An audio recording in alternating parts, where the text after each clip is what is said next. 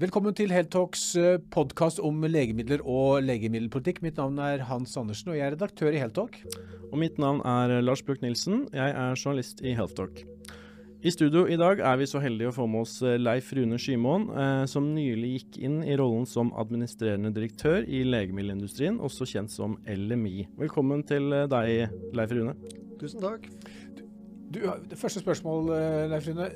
Nå, har du én uke bak deg i uh, legemiddelindustrien. Du, du, er kanskje ikke helt varm i trøya ennå, men, men hvordan har denne uka vært? Det har vært, for det har vært en uke jeg gleder meg, gleder meg til. Har jo, det har jo vært kjent en stund at jeg skal gå inn i den rollen, så jeg har gått og gleda meg lenge. Og så eh, kjempefin første uke. Eh, jeg valgte jo å bruke første delen til første dagen ute med et av våre medlemsselskaper, som jeg syns ga mye energi og inspirasjon. Og jeg har òg vært på besøk hos andre medlemmer. og begynt å jobbe med den uh, kjempeflinke administrasjonen som vi har i, i LMI. og Kjempebra første mm. uke. Mm. Gleder meg til fortsettelsen. Mm. Du overtar etter uh, en veldig uh, tydelig sjef, tidligere tidlig sjef, altså Carita Bekkemellem, som nå har gått over i NHO.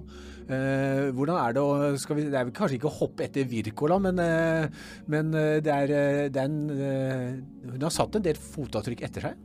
Absolutt. Og jeg, jeg, jeg, har jo hatt gleden til å jobbe med LMI egentlig gjennom alle mm. de åra Carita har vært leder. Og, eh, og, har jo sett noen tydelige avtrykk eh, etter seg. og jeg, Det jeg husker aller best, er jo den måten hun kom inn med en mm. energi og en stolthet mm. inn, i, inn, i, bransjen. Vi kanskje var litt eh, vi var liksom litt forsiktige med å si at vi jobber med, med legemiddelindustri, fordi at det var ikke den mest eh, anerkjente industrien rundt omkring. men så kom Carita inn med en, eh, med en uh, energi og med, med, en innstilling at vi skal være stolte av det vi gjør hver dag. Mm. Og Det er det jeg husker, husker aller best fra den uh, da hun kom inn i jobben.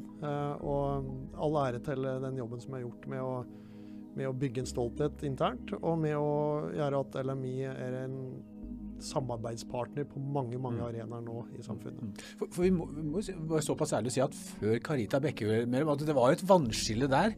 Altså, vi som har jobbet litt i bransjen, så det var liksom politikerne holdt industrien på en, i alle fall en god armlengdes avstand. Et dårlig image, vanskelig vanskelig å få også gjennomslag for mye politiske og viktige saker som dere har.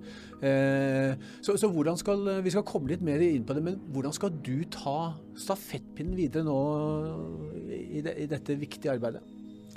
Eh, nei, Du har helt rett i det at, at det, jo, det, er, det, er, mye som har forandret seg de, de senere åra. Jeg tror at nå er det en helt annen anerkjennelse av eh, den verdien legemiddelindustrien bringer eh, i form av de produktene og de medisinske løsningene som, som, som, vi faktisk bidrar med inn i helsevesenet, men òg den verdien vi har som kunnskapsleverandør og som en framtidig næring eh, mm. for Norge. Så, mm. så, det er liksom en helt annen eh, posisjon. og Eh, jeg har jo noen ting jeg, jeg brenner veldig for, og det, det, er jo nettopp det å eh, få høste eh, At Norge kan høste mer av det her vi har investert i, i vår næring. At vi kan gjøre ikke bare legemiddelindustrien, men hele livsvitenskapsindustrien til et, en mye større aktør i norsk økonomi. At, at, vi kan skape flere arbeidsplasser, at vi kan bli en Eh, en næring som bidrar med store eksportverdier og store mm. skatteinntekter til Norge. Eh, så det, det er liksom den ene, ene delen av det. Eh, og den andre er jo det at vi i mye større grad verdsetter den innovasjonen og de nye løsningene som kommer fra vår industri, og at vi tar de i bruk raskere og i større grad i, i Norge enn det vi har gjort hittil. fordi at vi helsevesenet vårt står jo foran noen ganske krevende år framover. Eh, og da er det så viktig at vi gjør ting rett, slik at vi kan opprettholde eh, velferdsnivå, opprettholde eh, nivået på helsetjenesten. Mm. Og der er legemiddelindustrien en veldig viktig bidragsyter. Mm. Vi skal jo komme enda mer inn på disse temaene, Leif Rune. men kan vi starte litt med, med, deg? Mange kjenner jo til deg gjennom din rolle som sjef i Curida. Og, men uh, fortell litt om deg. Vi vet at du er utdannet farmasøyt og har bakgrunn fra industrien. Men fortell oss litt mer om deg og din bakgrunn for de som ikke kjenner så godt til deg fra før. Ja, det kan jeg gjøre. Jeg jeg kom jo opprinnelig fra Flisa, da, så selv om jeg bor i, på Høvik nå, så er det ganske lett å høre at jeg ikke har vokst opp der. Det er ikke noe typisk Ikke eh, Høvik-dialekten, det der. Nei, det er ikke det. Eh, og så, jeg, Som sagt, eh, som, som du sa, Lars, jeg er utdannet farmasøyt. eh, og jeg har en master of management som jeg tigger på BI etterpå. Eh, og så har jeg jobbet litt i apotek, litt i forskning, men så begynte jeg da i legemiddelindustrien i 2002. Så jeg har eh, litt over 20 år eh, bak meg der. Ti år i Eli Lilly. Der jeg da eh, jobber mest i like kommersielle, kommersielle roller. da, Først i Norge, så i en skandinavisk organisasjon, så ute i en europeisk stilling. Eh, og Så kom jeg tilbake, og så var jeg da eh, daglig leder for Lilly i Norge i, eh, i snaue to år. Ja. Kjempespennende. Eh, etter ti år i Lilly så kjente jeg at nå har jeg lyst på å gjøre noe annet, og jeg brant veldig for det å prøve å skape noe i Norge. Eh, så da bytte jeg, og så bytte jeg til noe helt annet. Så da ble det Nansen Neuroscience Network, som er en liten klynge eh, som på en måte er lagd etter samme modell som Oslo Cancer Cluster, men, men Ja. med et litt annet eh, underlag og med en litt annen størrelse, og, men da med nevrofeltet som, som, eh, som sen- sentrum. Og var jo kjempespennende. Jeg fikk jo lov å, Gjennom de to åra jeg var der, så fikk jo både eh, Nobelpris til Moser og Moser, og, og da var òg TV-aksjonen til Nasjonalforeningen for folkehelse og, og deres demensarbeid. Så det, det skjedde veldig mye rundt det feltet mens jeg var der, og det, det var eh, kjempemorsomt. Eh, men etter to år der så, så kom det jo noen telefoner fra Elverum, da, og det var hele det prosjektet med, med å prøve å eh, starte opp et selskap etter at fabrikken i Elverum skulle Ja, for ned. Før det så hadde ikke du noe tilknytning til det som var da Nycomed og, og dette. Du har kommet inn bare i etterkant. Ja, det stemmer. Så, så jeg hadde ingen bakgrunn fra Nycomed eller Takeda eller, eller det feltet, men, men, eh, og jeg hadde heller ikke jobbet med produksjon. Så, men, men det var jo hele det her fine initiativet som var tatt fra de ansatte i Elverum, eh, sammen med noen tidligere ledelsen i, i Nycomed, eh, på å Fabrikken i Elverum skulle jo egentlig legges ned. Eh, så var det jo prøve å ta den driften videre. Så ble jeg bedt om å komme inn og, eller spurt om jeg ville komme inn og lede det. Gjorde jeg det. Og kjempemye var jo usikkert eh, helt i starten, Mm. men så fikk vi jo da etablert eh, Curida på starten på 2015. Og så har vi jo jobbet døgnet rundt siden da med å, med å skaffe kontrakter, med, med å skalere opp virksomheten, og har jo da kommet veldig langt i, det. Så det har vært en helt fantastisk reise. Kan ikke du si litt om det? For Curida er jo ganske unik eh, i, i norsk sammenheng med tanke på hvordan det har bygd seg opp fra store sånn Nycomed Takeda. Ansatte går inn, bygger opp dette selv, og så har dere altså da klart å få Dere har fire, produksjon, fire produksjonsanlegg, 190 ansatte, svært sterk kundebase i det internasjonale farmamarkedet. Hva er det dere har gjort riktig for å få til dette i norsk sammenheng? Eh, jeg tror at eh, aller først så er det like en, det er en entusiasme og en, og en tru på det du driver med, som er eh, Jeg har sagt det flere ganger at av og til så, så har vi nok trodd at den gjengen i Curida kan gå på vannet, og så har de jammen klart det av og til òg. så det er liksom en helt vanvittig entusiasme og stolthet som ligger til grunn. Uten den kunne, hadde ikke vært noen mm. ting. Så den jobben som de ansatte har gjort, og alt det som det er helt fantastisk. Og så tror jeg eh, en, en annen nøkkel som vi, som vi har gjort veldig rett, vi har vært veldig markedsorienterte fra dag én. Så, så, eh, så da jeg kom inn i det, så var vi veldig raskt ute. så vi måtte ut i Europa og forstå hva er det som gjør at, eh, at noen velger den ene produsenten framfor den andre. Og, og konkurransebildet vårt var jo internasjonalt, så vi måtte skjønne hvordan kan vi vinne kontrakter i det internasjonale markedet. Og Det tror jeg liksom er en nøkkel i det. Og, og så, men så er det jo samtidig noe som tre, altså Tiden taler jo veldig for det som eh, Curida og andre norske produsenter gjør. fordi at eh, Hvis du ser hva landet vårt trenger nå, så trenger vi jo på den ene sida nye næringer og nye, nye inntekter til landet vårt, nye kilder til arbeidsplasser. Og der er jo produksjonsmiljøet mener jeg veldig viktig, fordi at det er der du, der du kan skalere opp, det er der du kan, der du kan skaffe volum på ting. Eh, og så på annen side så trenger vi òg det, her- det, det med forsyningssikkerhet. At vi trenger faktisk noen i landet som kan produsere legemidler. Eh, og vi har ganske få miljøer, så vi må satse på å ta, ta vare på de som vi har. Mm. Men en veldig, det er blitt den, den største norske farmasøytiske produksjonsbedriften. klarte dere å bygge opp til. Og så valgte du å gå over til LMI. Uh, fra en suksessbedrift til LMI. Hvorfor valgte du å skifte beite? Det, det, har med flere ting å gjøre. Det, det ene er jo at uh, jeg tror at uh, etter hadde jeg da åtte, åtte og et halvt år mm. i, i stolen der, jeg tror det kan være lurt mm. både for, for selskapet å få en litt nye blikk og, og, nye ressurser. Og, og, og, jeg tror at vi har fått til en veldig fin overgang der med at Ole Dahlberg kom inn med all sin erfaring og, og, sin kompetanse og sitt nettverk. Så jeg er kjempeglad for den løsningen.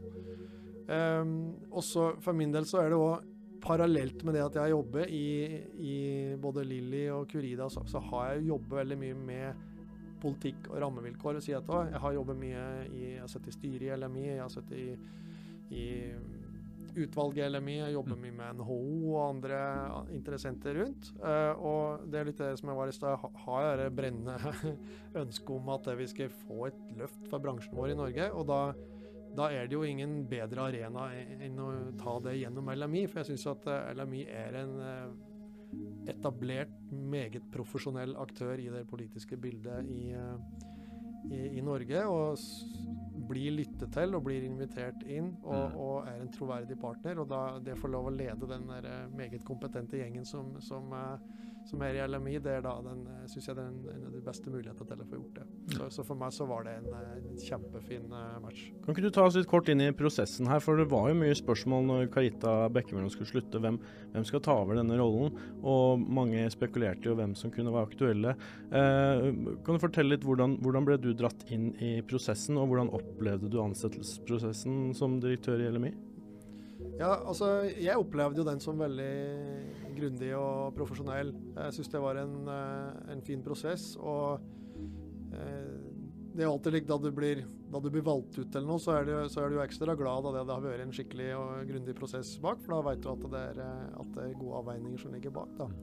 Så, så jeg opplevde den, den veldig fin, og var en, den tok ganske lang tid. Mm. Men, men jeg tolker jo det som at det var mange gode kandidater, og at, uh, at det eh, LMI da er en, altså den rollen her er en attraktiv uh, plass for, mm. for mm. mange. Mm. Så da er jeg jo ekstra stolt over at jeg fikk lov å ja, det er bra. inn. inn. Mm. Ja, Det ligger ikke for oss nordmenn å skryte av sjøl, men uh, det er, det er, du sier det, det, var en grundig prosess, og, og, og, og flere aktører, vet vi. Uh, så, så, du kom ut på topp. Vi skal bruke litt tid nå på å snakke om hvordan, eh, hvilke saker skal du og organisasjonen din nå jobbe med fremover? La oss bare starte med det som er helt åpenbare. Det, det du kommer fra en produksjonsbedrift, du har erfaring på, på betydning av å produsere legemidler i Norge. Eh, og det har vært politisk diskutert om, uh, om Norge skal være selvforsynt eller om vi skal være delforsynt. Men bør vi være selvforsynt med legemidler? Jeg, jeg har lyst på bare aller først si at mm. uh, for meg er det viktig å, å, å si at jeg, jeg favner jo hele feltet til LMI mm. og hele strategien til LMI. Eh, så det at jeg kommer ifra norsk bedrift og norsk produksjon, mm. eh, det betyr ikke det at det er bare det jeg kommer til å jobbe med framover. Så, det, det, det, er kjempeviktig, fordi at eh, Eh, LMI har jo et ganske vidt spekter av medlemmer med, med, litt forskjellige behov. Eh, og, vi skal være en aktør på det feltet som, som vi snakker om nå, men vi, vi er òg en kjempeviktig aktør mm. på, på, andre felter. Så det, det, er bare viktig at det. Eh, for meg å presisere ja, det. De aller fleste er jo internasjonalt store selskaper. Absolutt. Av typen eller Lilly som du jobbet i selv noen for noen år tilbake. Ja, for eksempel. Mm. Helt enig. Så. Så, men, men, tilbake til spørsmålet, ja. så eh, skal vi være selvforsynte, så, så, nei, altså vi skal jo ikke være 100% selvforsynte på legemidler i Norge, for det, det, er jo en utopi. Det, det, det, er jo ikke realistisk i hele tatt, og heller ikke spesielt smart. Eh, men det er litt tilbake til det vi prater om. Vi trenger noen som kan produsere legemidler i Norge, fordi at vi har jo sett det de siste åra at de der vanlige forsyningskanalene som vi, som vi lener oss på, de fungerer ikke alltid. Uh, og nå har vi hatt pandemi, og vi ser det med, som, både i pandemien og som en følge av den, så ser vi at forsyningskjeden uh, verden rundt blir mer krevende. Eh, og så har vi fått en krig i vårt nærområde som er en brutal eh, tankevekker. Altså en påminnelse på det at eh, de systemene og, og prosessene vi tar for gitt, de fungerer ikke alltid. Eh, så Derfor så, så, er vi veldig opptatt av at vi må, vi må, ta vare på, vi må bygge videre på de som faktisk kan eh, produsere legemidler i Norge. For vi kan en dag stå i en situasjon der vi er helt avhengig av det. Eh, og Da må de miljøene være der, og de må være forberedt. Mm. Så, så, ikke helforsynt og ikke delforsynt, men vi, men vi skal bygge, det å bygge norsk eh, legemiddelindustri er viktig. Vi, vi har vel åtte-ti produksjonsbedrifter i, i, Norge som er viktig å bygge opp om. Men, men du sa du er jo også sjef for de store internasjonale selskapene. Hvordan kan de komme inn i Norge? Altså, man kan jo bli helt grønn av misunnelse når man ser på Danmark, som har Novo Nordisk. Mm. Eh, Sverige har i hvert fall delvis, selv om det er vel et britisk, helbritisk selskap nå, mm. AstraZeneca. Mm. Eh, I Norge så har vi jo ikke noen sånne industribedrifter eh, og motorer. Er det, er det etter din mening mulig å få en av de store uh, internasjonale til å begynne å satse på, på oss her på, i Steinrøysa? Ja, altså, jeg tenker vi, vi må være ambisiøse på, på vegne av den uh, næringen som jeg representerer. For den, mm. den har så utrolig mye, altså så store muligheter. Mm. Og det, det, er jo veldig naturlig å se på Vi kan se på de nabolandene våre med misunnelse, men vi kan også se på dem som inspirasjon. Mm. Uh, og jeg tenker, skal vi klare å bygge en, en, uh, en næring og en industri av noe som ligner på det der, da Eh, så må vi kombinere det og bygge opp noen norske kall det lokomotiv, altså noen, noen, eh, solide norske selskaper som, som kan uh, tråkke opp sporet litt her hjemme. Mm. Og så må vi tiltrekke de, de, internasjonale aktørene. Og det er bare å se på de andre næringene som Norge har lykkes i, så har vi gjort akkurat det. Mm. Vi har kombinert det, det å, å, bygge opp noen egne aktører, men med å invitere inn kompetanse, investeringer fra andre. Mm. Eh, og Det er ikke et enten-eller, det er et, det er et både-og eh, mm. i, i, den sammenhengen. Så vi må være en tillegg til å gjøre ting rett her hjemme, så, så må vi være gode, vi må være godt vertskap for de som mm. er interessert i å legge investeringer dit. Kan, kan du være litt mer konkret hva, hva, det innebærer å være et godt vertskap? Hvordan skal vi konkret tiltrekke oss uh, kompetanse og kapital fra de store internasjonale? Det går langs, langs flere plan. Så Det ene er jo ved å være en uh, vi betrakter som en god samarbeidspartner. da. Så vi kan jo ha risikoavlastningsmekanismer som gjør at det, er bedre å legge en investering i Norge enn i et annet land. Mm. For det er jo det, det som er den reelle beslutningen i, de store mm -hmm. selskapene. Skal vi legge i Norge, eller skal vi legge i en annen plass? Da må vi ha et eller annet som gjør at vi er bedre. Og det, det kan være f.eks. offentlige risikoavlastningsmekanismer. Eh, og så må vi jo eh, bygge opp eh, og sørge for at vi har eh, kompetanse på det de trenger. Det vil si at Da er det sikkert smart at vi bygger videre det vi allerede er gode. For da kan vi, da er sannsynligheten for å vinne en internasjonal konkurranse bedre. Mm. Og så tror jeg samtidig at Norge vi skal være litt flinke til å få fjerne noen slike røde lys. For at eh, det vet jeg jo sjøl, for at jeg har jobbet i et eh, internasjonalt selskap. at uh, hvis det hefter litt for mange slike Ja, men det er jo Norge eh, ved det, så mm. gjør, oss slike diskusjoner vanskeligere. Så vi må se liksom se de, de tinga i sammenheng, da. Ja. Og et av de røde lysene, er det prioriteringspolitikken? Hvis, hvis man, altså det at Norge eh, har jo en uttalt politikk at vi skal ha de billigste legemidlene i Norge.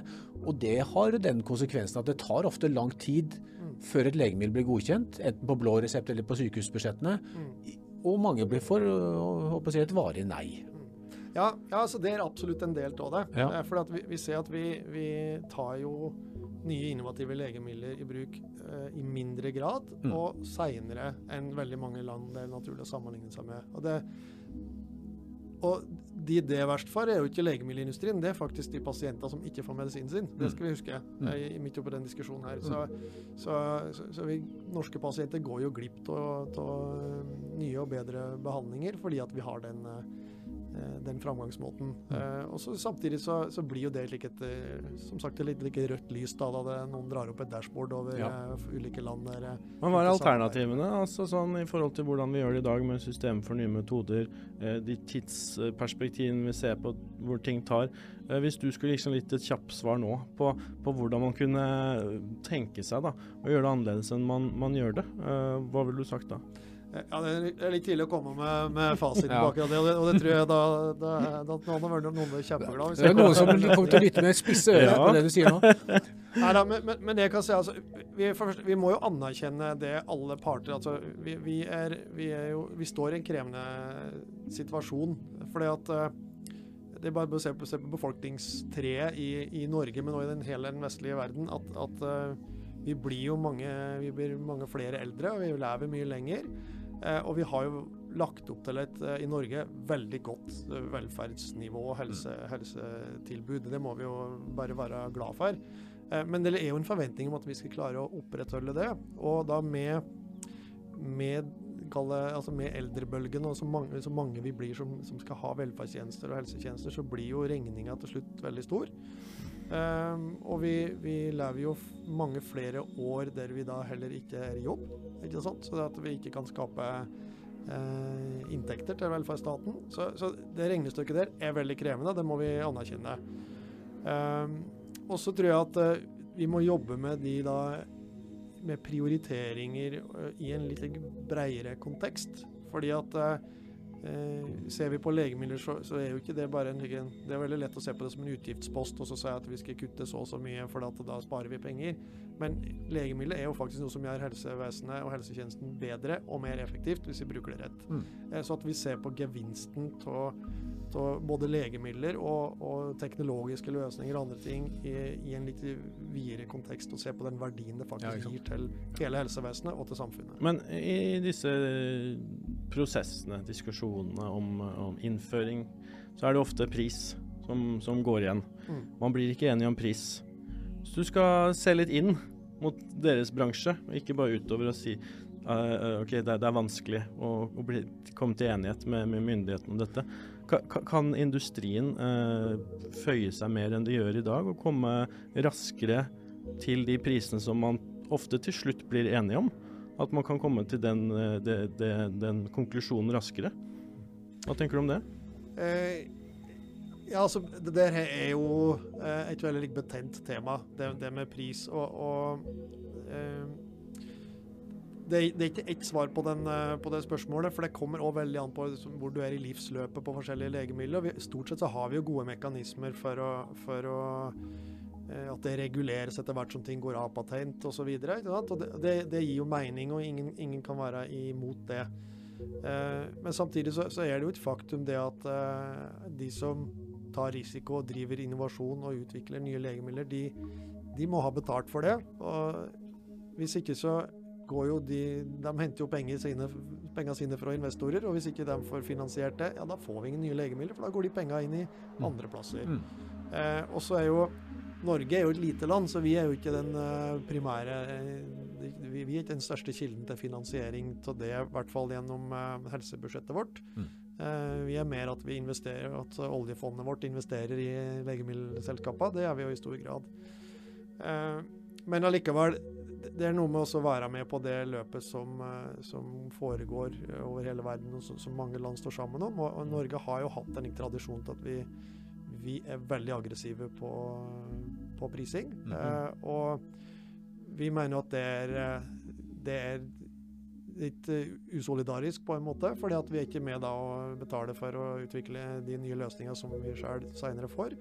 Um, og, og så mener vi at det, det er uheldig med, med tanke på tilgangen til, til nye legemidler. Og eh, de, de globale selskapene de opererer jo i alle land, eh, så de kan jo ikke lage unntak fra alt de jobber med internasjonalt, Mm. bare for Norge. Det vil Mm. de jo ikke gjøre. Så Derfor så ender vi opp i slike lange og kjedelige forhandlinger som, som, uh, igjen, som går utover, uh, Mm. utover pasienten. Men kan, er kan bare- dere ta noe selvkritikk, eller er bare løsninga at staten skal bruke mer penger på legemidler? Nei, jeg, jeg, jeg skal ikke sitte her og ta noe kritikk på, på, på vegne til noen, men, men jeg kan si at, at eh, jeg oppfatter at vi har eh, Vi sitter på begge sider og egentlig har det samme målet, og det er jo at pasienten skal få tilgang til, til legemiddelet. Eh, og så forvalter vi jo hver våre interesser, og, og det skal vi ha respekt for. ikke sant? At eh, eh, de som eh, jobber i legemiddelselskapet har jo, må jo forvalte interessen til det, til det selskapet. Mm. Uh, og så må jo, har jo vi all respekt for at myndighetene nå forvalter sitt ansvar. Men så jo, sitter vi litt på hver vår side og mener at de andre burde gjøre det på en litt annen måte. Derfor så må vi prate sammen og finne Mm. bedre mekanismer. og jeg tror at jeg har ikke løsning på akkurat hvordan de løsningene ser ut, men det er jo derfor vi må ha den dialogen, derfor vi Mm. må ha prosesser. For at alle kan vel være enige om at her kan vi bli mye bedre i Norge. Men Du var jo litt inne på Hans, dette her med at eh, det som har gjort denne diskusjonen spesiell nå, er dette med hvor ekstremt dyre noen nye legemidler har blitt. Ja. Og hvordan det har endra hele debatten. Kan Ja. ikke du liksom gå inn på noe av det vi Ja, altså det er jo eh, det det er sjeldne, de, de sjeldne sykdommer er jo heldigvis da, blitt et område som industrien har eh, engasjert seg kraftig i. Men litt av nedsiden er jo, som du var selv inne på, at det er dyrt. Altså Vi ser på Solgensma, denne genterapien som eh, kom på, for SMA. Den var jo kåra til verdens dyreste legemiddel, 22 millioner kroner, eh, som listepris riktignok. Mm. Så er det helt åpenbart at eh, prisforhandlingene har vært lange og harde med, med sykehuskjøp. Og så har vi en annen gen, eh, genterapi for, nå mot hemofili B, en, altså en alvorlig blødersykdom som heter Hemgenix. Den er jo tatt nå førsteplassen. Eh, den er godkjent i USA, ikke i Europa ennå. 32 millioner kroner. Så, så det, det er klart eh, Og, det, og det, er, det er antakeligvis verdien på legemiddelet. Men hvordan skal, man, hvordan skal et offentlig finansiert helsevesen klare å ta inn over seg ikke bare disse to, men det kommer titalls nå fremover, som, som, som er jo en stor utfordring. Men det der er jo en av de vil jeg si, veldig spennende utfordringene som vi, som vi kaster oss inn i. Da. Både som, som industri og som samfunn. Mm. Fordi at eh, vi ønsker jo å kunne tilby den hjelpa til, eh, til eh, både store og små pasientgrupper. Eh, og skal vi klare det, så må jo noen ta jobben med å utvikle de verktøyene og de legemidlene som, som vi skal bruke. Eh, og for det så må de ha betalt. Og dette det her er jo en kjempekrevende øvelse. Jeg har ikke, jeg har ikke svaret verke, jeg, jeg har ikke svaret etter ei uke, og jeg kommer ikke til å ha den eh, eksakt etter eh, flere uker heller. For det, det, det, det er jo noe vi må jobbe fram, men, men det blir en, ikke en mismatch mellom eh, det som det faktisk er rett og rimelig å, Mm. at selskapet får betalt, og, og det Ja. som samfunnet kan ta Og så er det jo et dilemma at disse legemidlene innføres jo i andre land. Ja. Eh, der finner man en økonomisk løsning. Først i USA, typisk, hvor det er forsikringen ofte som betaler. og så så har den offentlige finansieringen kommer etter hvert. eh, Men vi ser jo også at Tyskland og Danmark og til dels også England er jo ganske raske. Og så, så sitter Norge litt, eh, som du sier, på, på, på gjerdet og, og venter. Er det, noe, er det noe dere kan gjøre på en måte for å kunne få fortgang på situasjonen fra industriens side? da? Ja, altså, jeg, jeg registrerer jo det samme som, som dere ser, at, at vi tar jo innovasjon i bruk. Eh, både litt seinere og litt, eh, i litt mindre grad enn det vi ser i andre land. Jeg syns ikke alltid det er like relevant å sammenligne, sammenligne med USA, fordi at der er det et helt annet system. Og, og hvis jeg fikk velge, så ville jeg heller ha det norske enn det amerikanske, skal jeg være helt ærlig. Men, eh, men, eh, men det jo liksom hele samfunnsstrukturen. Eh, så eh, der igjen så, så er det vi er nødt til å sitte sammen og finne bedre løsninger, slik at uh, pasienter faktisk får tilgang til eh, de beste verktøyene som, Ja. som finnes. For, man kan jo ikke forvente at norske pasienter skal akseptere at eh, genterapi blir innført i Sverige og Danmark og alt rundt oss, og så sitter vi alene her og, og driver prisforhandlinger til vi blir gule og blå. Det er vel litt det du sier? Nei, Vi ønsker jo, ønsker jo å unngå det. Mm. Og, og så er det jo, er det jo noen utfordringer at eh, slik som genterapi og en del av altså nye terapier, de, de ser jo litt annerledes ut eh, enn en enn de gamle, og det er kanskje litt annet oppfølgingsregime. Og da er ikke alltid de betalingsmodellene som vi etablerte en eller annen gang for Akkurat. lenge siden, som, som var egentlig beregnet på noe annet, fungerer like Nei. bra. Så da må vi Hva med finne metodevurderinger og, og, og vurderinger rundt hvordan man eh, ser på datagrunnlaget rundt disse legemidlene? Er det noe du har gjort deg noen tanker om? liksom hvordan før ikke sant, så har det vært standard, du skal ha disse fase 3-dataene, du skal ha så og så store grupper. Men nå, når det er mer og mer sjeldne diagnoser, færre mennesker, eh, hvordan ser du på hvilke utviklinger som må skje der for at man skal ha raskere godkjenning og inngang i Norge? da? Ja, men det, det, det, igjen så er det litt det samme at vi må, vi må ta inn oss at, innover oss at verden går eh, framover, utvikler seg. Og, og nettopp det at vi jobber kanskje da med mindre grupper og med, med, med nye typer terapi, det gjør at vi må ha litt andre, en litt annen mal da, da vi skal eh, godkjenne nye behandlinger. Eh, Mm. Så det går jo på eh, F.eks. på nye metoder, som, som jo nå er under evaluering, og som jeg, som jeg er helt sikker på at gjennom den dialogen som vi har nå, så kommer vi til å komme ut med et system som fungerer litt bedre enn det som slik det var. Og så må Mm. vi jobbe med det videre slik at det blir enda bedre. Og så er det en prioriteringsmelding som kommer eh, berammet til å komme i hvert fall neste år. Eh, Det er jo en viktig, vil antakelig bli et viktig eh, område som eh, du og staben din kommer til å jobbe på. Har dere, har dere begynt å kikke inn i hva dere skal gjøre der? Ja, altså det er noe som, som teamet vårt er veldig be, bevisst og veldig aktive på å jobbe på den, og se fram til den diskusjonen. Og så er vi Jeg tror eh, det jeg røk- røkker å sette meg inn i, da, er, jo det at vi, vi Der er vi veldig opptatt av det å se legemiddelbehandling i litt, eh, litt eh, videre kontekst. Eh, igjen tilbake til det at vi det her er ikke bare en eh, Det skal ikke være bare en kostnad som vi kan som vi kan prøve å forhandle så langt som mulig ned, men, men vi må se verdien eh, ikke sant, i en litt større sammenheng. Fordi at eh, både legemidler og, og, og medisinsk-teknisk utstyr andre nye løsninger, de, de vil jo være en mulighet til å få et mye mer effektivt og velfungerende helsevesen, som i neste omgang kan spare penger eh, andre eh, plasser, eller holde folk eh, eh, lenger i en eh, i, i, i yrkesaktiv eh, i et yrkesaktivt liv, som kan gjøre igjen at vi derfor gevinster andre plasser i samfunnet. Så vi må se, se det i litt videre kontekst enn en vi tradisjonelt har gjort. Det tror jeg alle vil tjene på. Når vi først har deg, Leif Rune. Eh, LMI representerer jo de store selskapene, selvfølgelig. Store Big Pharma her i, i Norge. Eh, men dere representerer jo også de mindre, rene norske eh, startup biotech-selskapene, som ikke har noe direkte produkter ennå. De er i tidlig fase, mellomfaser, eh, er på veien dit, men ikke kommet dit ennå. Eh, eh, noe som har preget debatten litt i det siste, har jo vært dette med tilgangen på investorkapital og hvordan disse selskapene skal klare å komme seg, seg videre. Vi hadde bl.a. et eksempel nå med, med Targovac som må sette en studie på pause nå, hvor det var en prislapp på 400 millioner kroner for å komme seg videre. Eh, hvilke tanker gjør du deg om, om det nå, hvordan det kan prege den delen av industrien som dere representerer? Mm. Ja, men det, det er et godt spørsmål. Og, og du har rett i det at LMI favner jo, vi favner jo ganske bredt. For vi, vi har jo de, de internasjonale selskapene med, med virksomhet i Norge, men vi har òg eh, produksjonsselskaper, vi har fiskehelse, og så har vi, har vi kall det gründerselskap eller biotekselskaper. Det der er litt spesielt for Norge, faktisk. Hvis du går og ser på nabolandene våre og de fleste andre land, så, så er det der forskjellige organisasjoner. Ja, men i. Norge så har vi samlet det under ett. Og det er fordi vi, vi er veldig opptatt av det å se den der sammenhengen mellom du kan si, tjenester og produkter som vår, vår eh, industri utvikler og leverer, og den næringen som vi faktisk eh, representerer. Og det, og det, alt det der hører på en måte under, eh, inn under samme paraply. Så Derfor har vi samlet i Norge, eh, hvilket jeg syns er veldig spennende.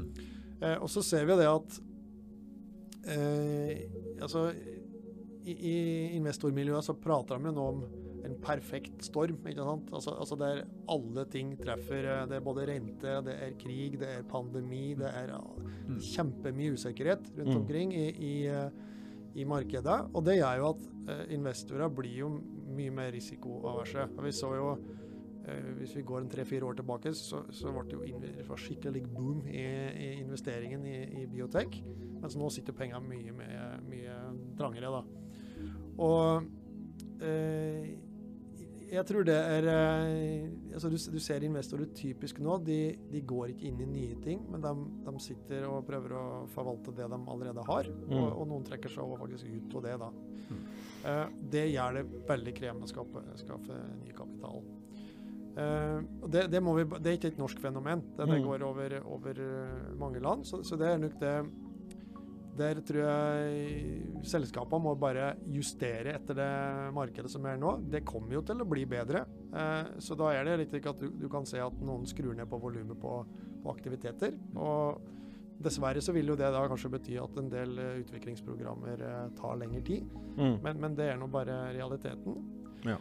Samtidig så vet vi jo at det sitter en del store internasjonale, altså de, de store globale selskapene, de har ofte veldig mye cash Mm. og har mulighet til å investere.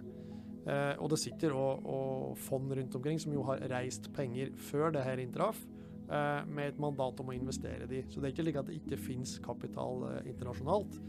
Eh, men vi ser at det er jo mange kategorier investorer da, som Mm. rett og slett eh, holder litt tilbake nå. Mm. Så, så det må vi bare eh, selskapene må bare kjempe seg gjennom det, og så vil det bli bedre litt lenger fram.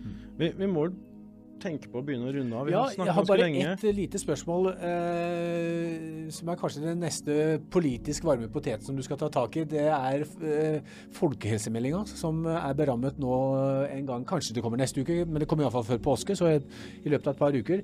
Der er jo voksenvaksinasjon det er jo tema som har vært eh, debattert eh, lenge. FHI ønsker et voksenvaksinasjonsprogram. Eh, men, eh, men det er jo fremdeles et stort spørsmålstegn om det kommer i, eh, blir innført av regjeringen nå. Eh, Hvis det nå skulle vise at det ikke skulle komme, hva gjør LMI da? Ja, det, du, du har rett. Det, det, det, det, er en av veldig mange spennende eh, politiske prosesser som pågår nå. Mm. Eh, så den, eh, og det, den er òg på, på den eh, et relativt lange lista over ting jeg ikke har rukket å sette meg så mye inn i første uka. Ja. Eh, så så, så jeg, jeg har ikke jeg, jeg kan ikke si så mye konkret om, om akkurat eh, hva vi vil foreta oss i etterkant, men, men akkurat det med vaksineutvikling og vaksinetilgang og vaksineprogrammer, det er jo noe som LMI har jobbet mye med, og, og har jo egne grupper som, som jobber spesielt med. Mm. Så det er jo noe som vi vil har fulgt nøye og vil følge nøye, inkludert den meldingen som kommer. Mm. Så får vi komme tilbake til eh, de kloke utspill han hadde fått Vi- eh, vi- vi- litt lenger i stolen. Vi imøteser det. Ja. Jeg tror vi må runde av, men eh, du skal få siste ordet, Hans. Ja, jeg, jeg vil egentlig bare si tusen takk, Leif Rune Skymoen, ja, for at du kom eh, i, eh, i vår stol etter bare å ha sittet én uke i LMI-stolen. Det er hyggelig. Håper vi ser deg oftere her, og, og, og ønsker deg lykke til i jobben fremover. Tusen, tusen takk for det. Eh, Hans, eh, før vi avslutter for dagen, så kan vi jo nevne noen av sakene som eh, du som leser kan finne på healthtalk.no akkurat nå. Du kan jo starte, du. Ja, det, Nå til mandag skal Beslutningsforum ha sitt månedlige møte. Der skulle det bli tatt et veldig viktig avgjørelse som berører voksne som har spinalmuskelatrofi. Der skulle Beslutningsforum avgjøre om Spinraza også skulle innføres for voksne. Det gjør det ikke. Eh, de har beslutning for å sendt ut en eh, pressemelding eh, som beklager dette, men forteller ikke helt hva som er årsaken. Og hvis vi skal prøve å hypotisere, så kan det bety at prisen er fremdeles for høy. Eller data kan også spille inn her. Data kan også spille inn, men nå, det siste burde ikke vært tilfelle, for nå har de holdt på med dette i snart tre år. Så sannsynligvis pris er det du så, så, så vi skal snakke med, med sjefen i Biogen litt senere i dag, så vi skal bringe dette på det rene. Eh, ellers har vi intervjua Øystein Rekdal, eh, administrerende direktør i Lytix Biofarma. Eh, det skjer mye spennende hos eh, dette norske biotekselskapet om dagen.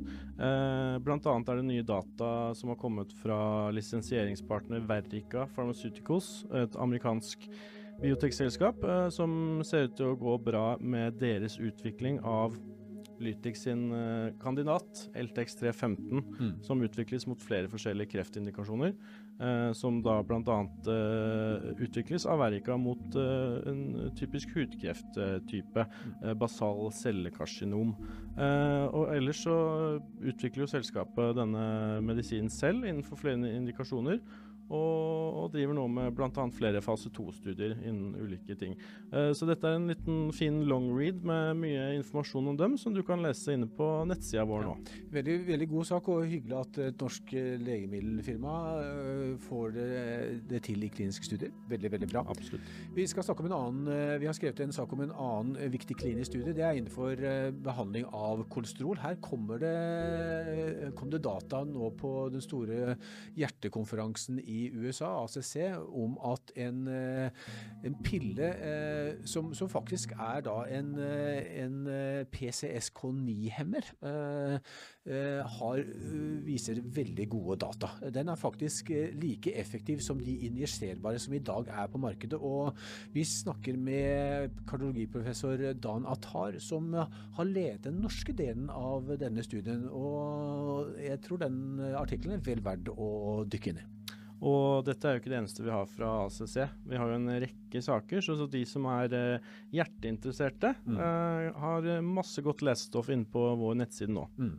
Det var alt vi hadde for denne gangen. Eh, takk for eh, følget. Takk for følget. Ha det bra.